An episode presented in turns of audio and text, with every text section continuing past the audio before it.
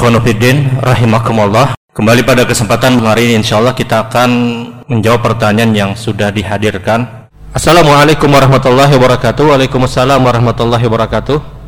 Apa hukumnya membayar pajak makanan? Mohon penjelasannya.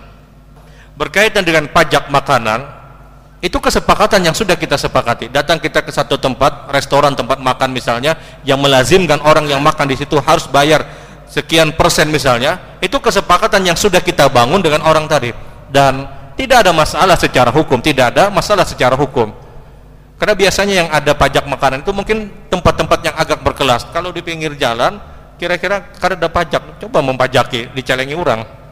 Tempat-tempat yang mungkin bagus tempat-tempat yang mungkin lebih berkelas itu ada pajaknya. Dan itu memang aturan nizam aturan yang sudah diatur oleh pemerintah dalam artian apa? Boleh jadi pajak yang mungkin diambil dari pembeli tadi itu diperuntukkan untuk kemaslahatan umum. Ya sudah itu kita sepakati.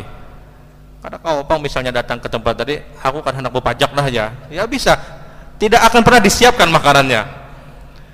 Jadi hal-hal yang seperti itu telah terjadi kesepakatan antara kita dengan si penjual dan al muslimuna ala syurutihim kata Rasulullah seorang muslim kepada orang yang lain dia mempunyai persyaratan-persyaratan yang sudah mereka sepakati wallahu alam